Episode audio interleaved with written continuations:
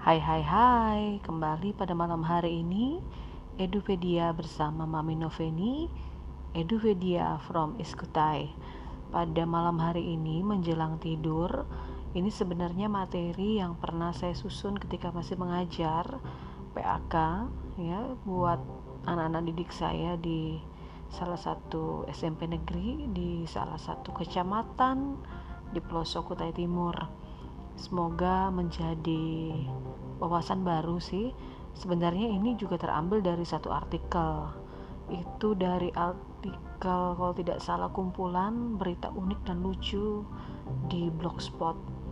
Jadi ini saya pakai pada sekitar tahun 2015 2016 17 untuk siswa-siswa saya di kelas 9 jadi buat rekan-rekan yang bergerak di bidang PAK salah satu sumber ilustrasi, salah satu sumber bacaan ini bisa uh, membuat siswa sebelum kita masuk ke dalam pertanyaan di dalam pengenalan keterampilan abad 21 tadi mengenai 4C. Jadi ingin bercerita dulu ya, nanti kamu bisa cari deh atau kamu googling di internet di blogspot tersebut semoga masih ada kalau tidak salah blogspot tersebut uh, di tahun 2013 judulnya itu gereja yang terbengkalai.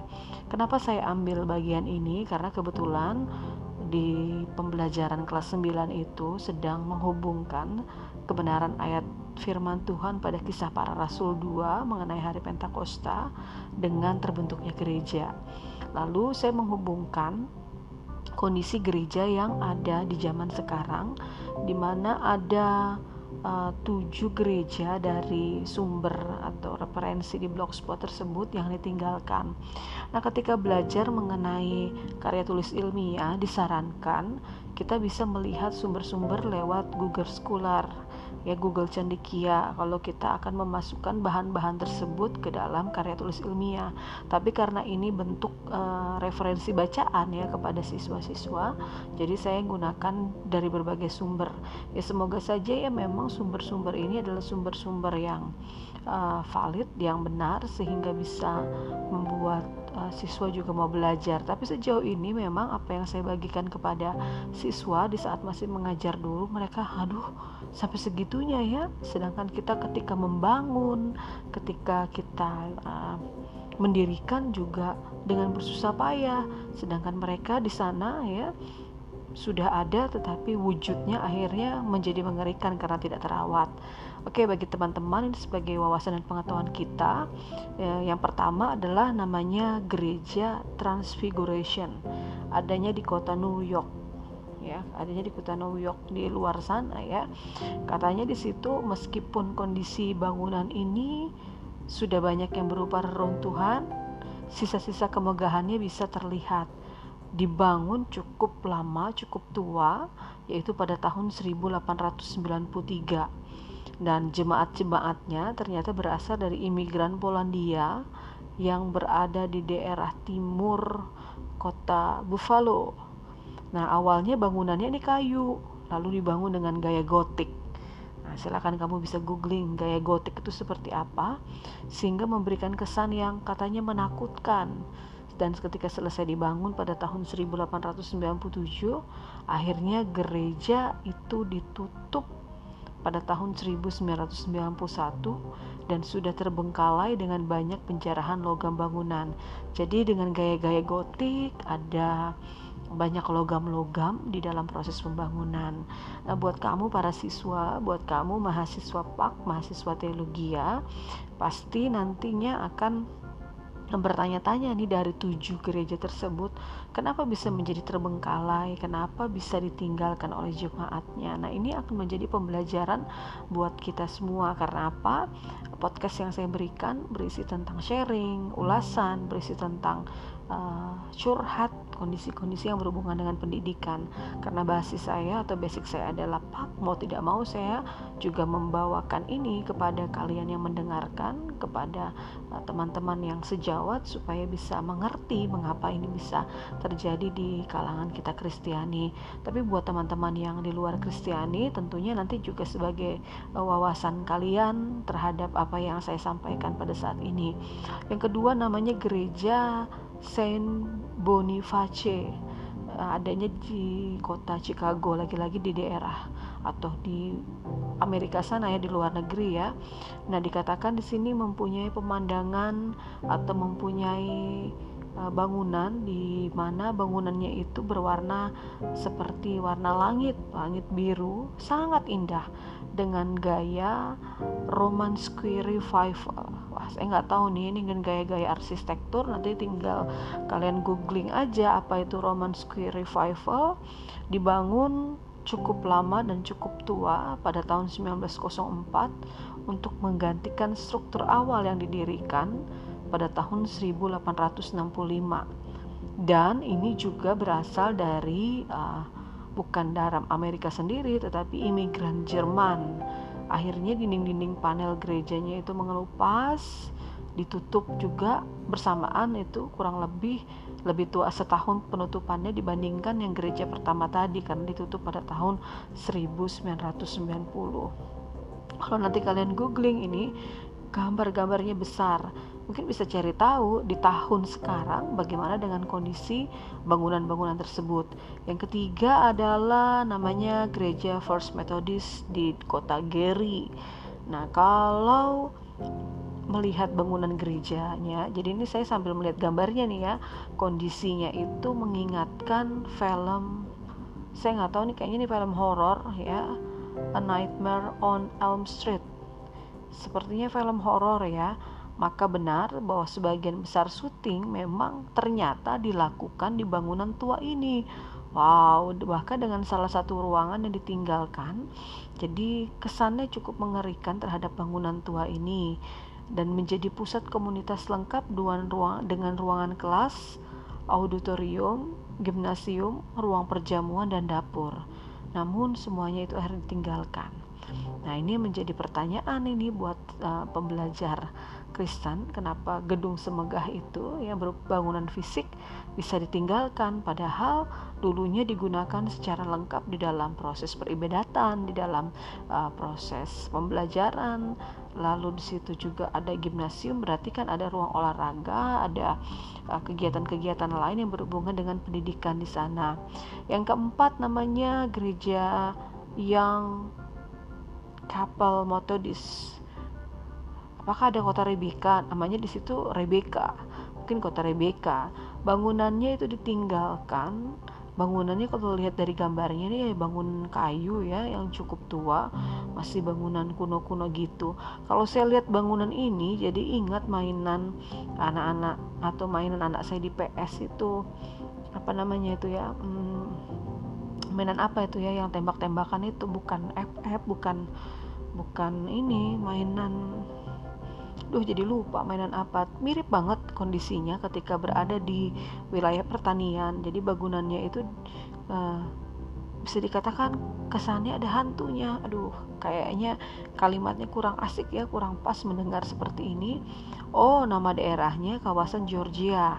Digunakan juga cukup lama pada tahun 1875 dan katanya di situ hanya menyisakan organ tua ya yang ada di sudut juga ditinggalkan.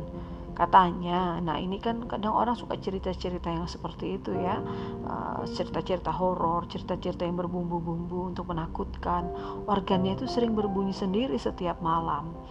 Kemudian cukup lama sudah puluhan tahun yang lalu kapal yang ini ditutup pada publik atau untuk publik pada tahun 1974 karena saat itu di tahun itu hanya menyisakan 8 jemaat saja. Silakan kalian nanti bisa googling kenapa bisa terjadi, apakah ini nanti ada pemugaran atau ada rehab. Saya belum pernah googling lagi sih semenjak uh, membagikan di tahun 2015 sampai 2017 kepada siswa-siswa saya di sekolah, saya meminta sih pendapat mereka untuk melihat ketika melihat, menganalisa gambar, membaca dari bagian cerita itu tadi. Nah, kebetulan kan kondisinya kan memang di daerah, di kecamatan saat itu tentunya akses internet pada zaman mereka itu tidak seperti sekarang di mana semuanya ada daring, ada luring paling tidak di kota-kota kecamatan atau di kecamatan-kecamatan uh, dengan jangkauan sinyal yang sudah bagus saat ini sudah bisa melihat atau mengupdate data-datanya itu di internet. Jadi apa yang sudah saya sampaikan kalau saya masih mengajar di mereka sih otomatis saya akan mencoba menyuruh mereka melihat benar nggak hasil dari yang saya sampaikan ini ada perubahan atau tidak. Jadi pasti ada progres di dalam penyampaian informasi. Yang kelima, yang berbicara mengenai gereja-gereja yang ditinggalkan ini ada namanya gereja Saint Stephen di Chicago. Nah, ini sudah ditinggalkan dengan kondisi yang katanya membusuk. Berarti ini bangunan kayu ya. Kalau membusuk, masa bisa sampai begitu ya membusuk, kosongan membusuk. Atau mungkin ada eh, bahan-bahan organik dan lain sebagainya yang ditinggalkan begitu saja. Tapi ada peninggalannya kubah gereja yang masih tampak uh, mengesankan agung ya, masih jaya dibangun juga cukup tua, dibangun pada tahun 1915, tapi akhir 90-an gerejanya kosong lantaran oh mau diubah menjadi kondominium. Entah mengapa rencananya itu gagal dan akhirnya tetap menjadi bangunan yang misterius, yang terbengkalai. Seram menurut kalian? Ya kalau misalkan ruangan yang memang ditinggalkan begitu saja tidak ada penghuninya tidak dirawat ya mungkin kelihatannya sangat tidak nyaman menyeramkan tetapi mungkin diadakan pemugaran diadakan uh, rehab atas bangunan ini atau kepada menjadi bangunan lain saya rasa akan menjadi bangunan yang oke okay. Berikutnya lagi, kita akan melihat namanya Saint Joseph Church di San Francisco. Ternyata pada tahun 1989 ya, ada gempa bumi yang melanda kota tersebut sehingga membuat kerusakan yang cukup parah pada bangunan gereja dan akhirnya ditutup selama bertahun-tahun ya mengalami kerusakan ada lubang di langit-langit. Kalau gambarnya di sini sih nggak bangunan dari luar tapi menggambarkan bangunan dari dalam di mana langit-langitnya menjadi rusak. Dan ternyata ini merupakan jemaat imigran dari Eropa yaitu jemaat Irlandia tetapi di tahun 80-an juga ternyata selain imigran Irlandia ditemukan juga di tahun 80-an jemaat imigran dari Asia yang terdekat dengan kita yaitu Filipina. Itu saja sih yang disampaikan di dalam informasi mengenai gedung gereja di San Joseph Church San Francisco tidak ada yang lain kemudian yang berikutnya yang terakhir ini karena ada tujuh kan informasi yang dibagikan tentang gereja Seventh Century Quintenalo Visione. Ini letaknya jelas bukan di Amerika. Dari namanya saja Quintenalo artinya berada di wilayah Eropa. Di mana kira-kira ya? Kalau nama Nelo Nelo, oh ya itu di Italia. Gereja ini ditinggalkan karena sisa arsitek barok. Kalau belajar SBK buat anak-anak kelas 9 pasti uh, tahu ya apa itu arsitektur barok nanti bisa googling juga sebagai pengetahuan kita. Dan seperti yang kita lihat di situ ada interior bangunan yang sudah diabaikan. Nanti googling deh Quintenalo Visione tentang uh, gereja yang ditinggalkan dengan sisa-sisa arsitek barok ini bangunannya cukup megah ditutupi oleh rerumputan yang uh, apa merambat ya masuk ke dalam bangunan tersebut sehingga menyebabkan lapuk terjadi di mana-mana. Bisa jadi ini bahannya adalah dari kastela atau dari batu bata. Nanti dicek aja ini sengaja saya hitamkan karena sebenarnya dari awal e, gambarnya berwarna ya tapi karena mengambilnya memudahkan mem, me, apa mencetak memprintnya menjadi warna hitam putih menghemat di zaman itu. Untuk saya edarkan ke siswa jadi warnanya saya ubah. Nanti coba saya googling lagi supaya bisa melihat yang jelas. Karena sudah cukup lama di tahun 2013 berita ini disampaikan melalui blogspot pribadi. Nah, kemudian ketika ditumbuhi tanaman liar, membuat gereja yang tua ini menjadi objek yang menarik bagi pak fotografer. Tapi katanya objek yang mengerikan bagi mereka yang percaya akan makhluk-makhluk astral. Kita nggak bahas makhluk-makhluk astral ya, jadi berbahas tentang edukasi yang berguna. Di sini pembelajarannya bagi seorang guru pak seorang uh, pembelajar atau siswa pak atau mahasiswa pak mengapa ini gereja yang begitu megah itu bisa ditinggalkan? Sebegitu mudahnya bisa menjadi bangunan yang terbengkalai lalu bisa uh, ditinggalkan oleh uh, jemaat yang ada.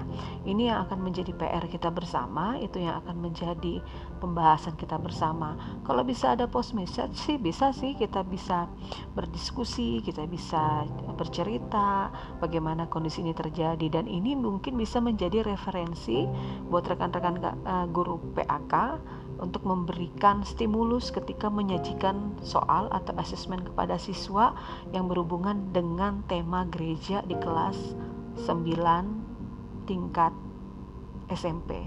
Oke, itu dulu menjelang tidur apa yang saya sampaikan mengenai ini semoga bisa menjadi uh, wawasan yang baru buat kita semua, baik rekan-rekan pengajar PAK ataupun juga rekan-rekan uh, di luar pengajar PAK. Ternyata untuk membuat suatu apa asesmen atau soal yang berhubungan dengan pemikiran anak-anak tingkat tinggi kita bisa menyajikan hal-hal demikian. Ketika menyajikan artikel ya terambil dari ini kita bisa menghubungkannya dengan tema-tema menghubungkannya dengan uh, kompetensi dasar yang ingin kita capai tujuan pembelajaran yang ingin kita capai. Itu selamat tidur dan terima kasih sudah mendengarkan podcast Edupedia bersama Mami Feni Edupedia from Iskutai. Terima kasih dan selamat beristirahat. thank you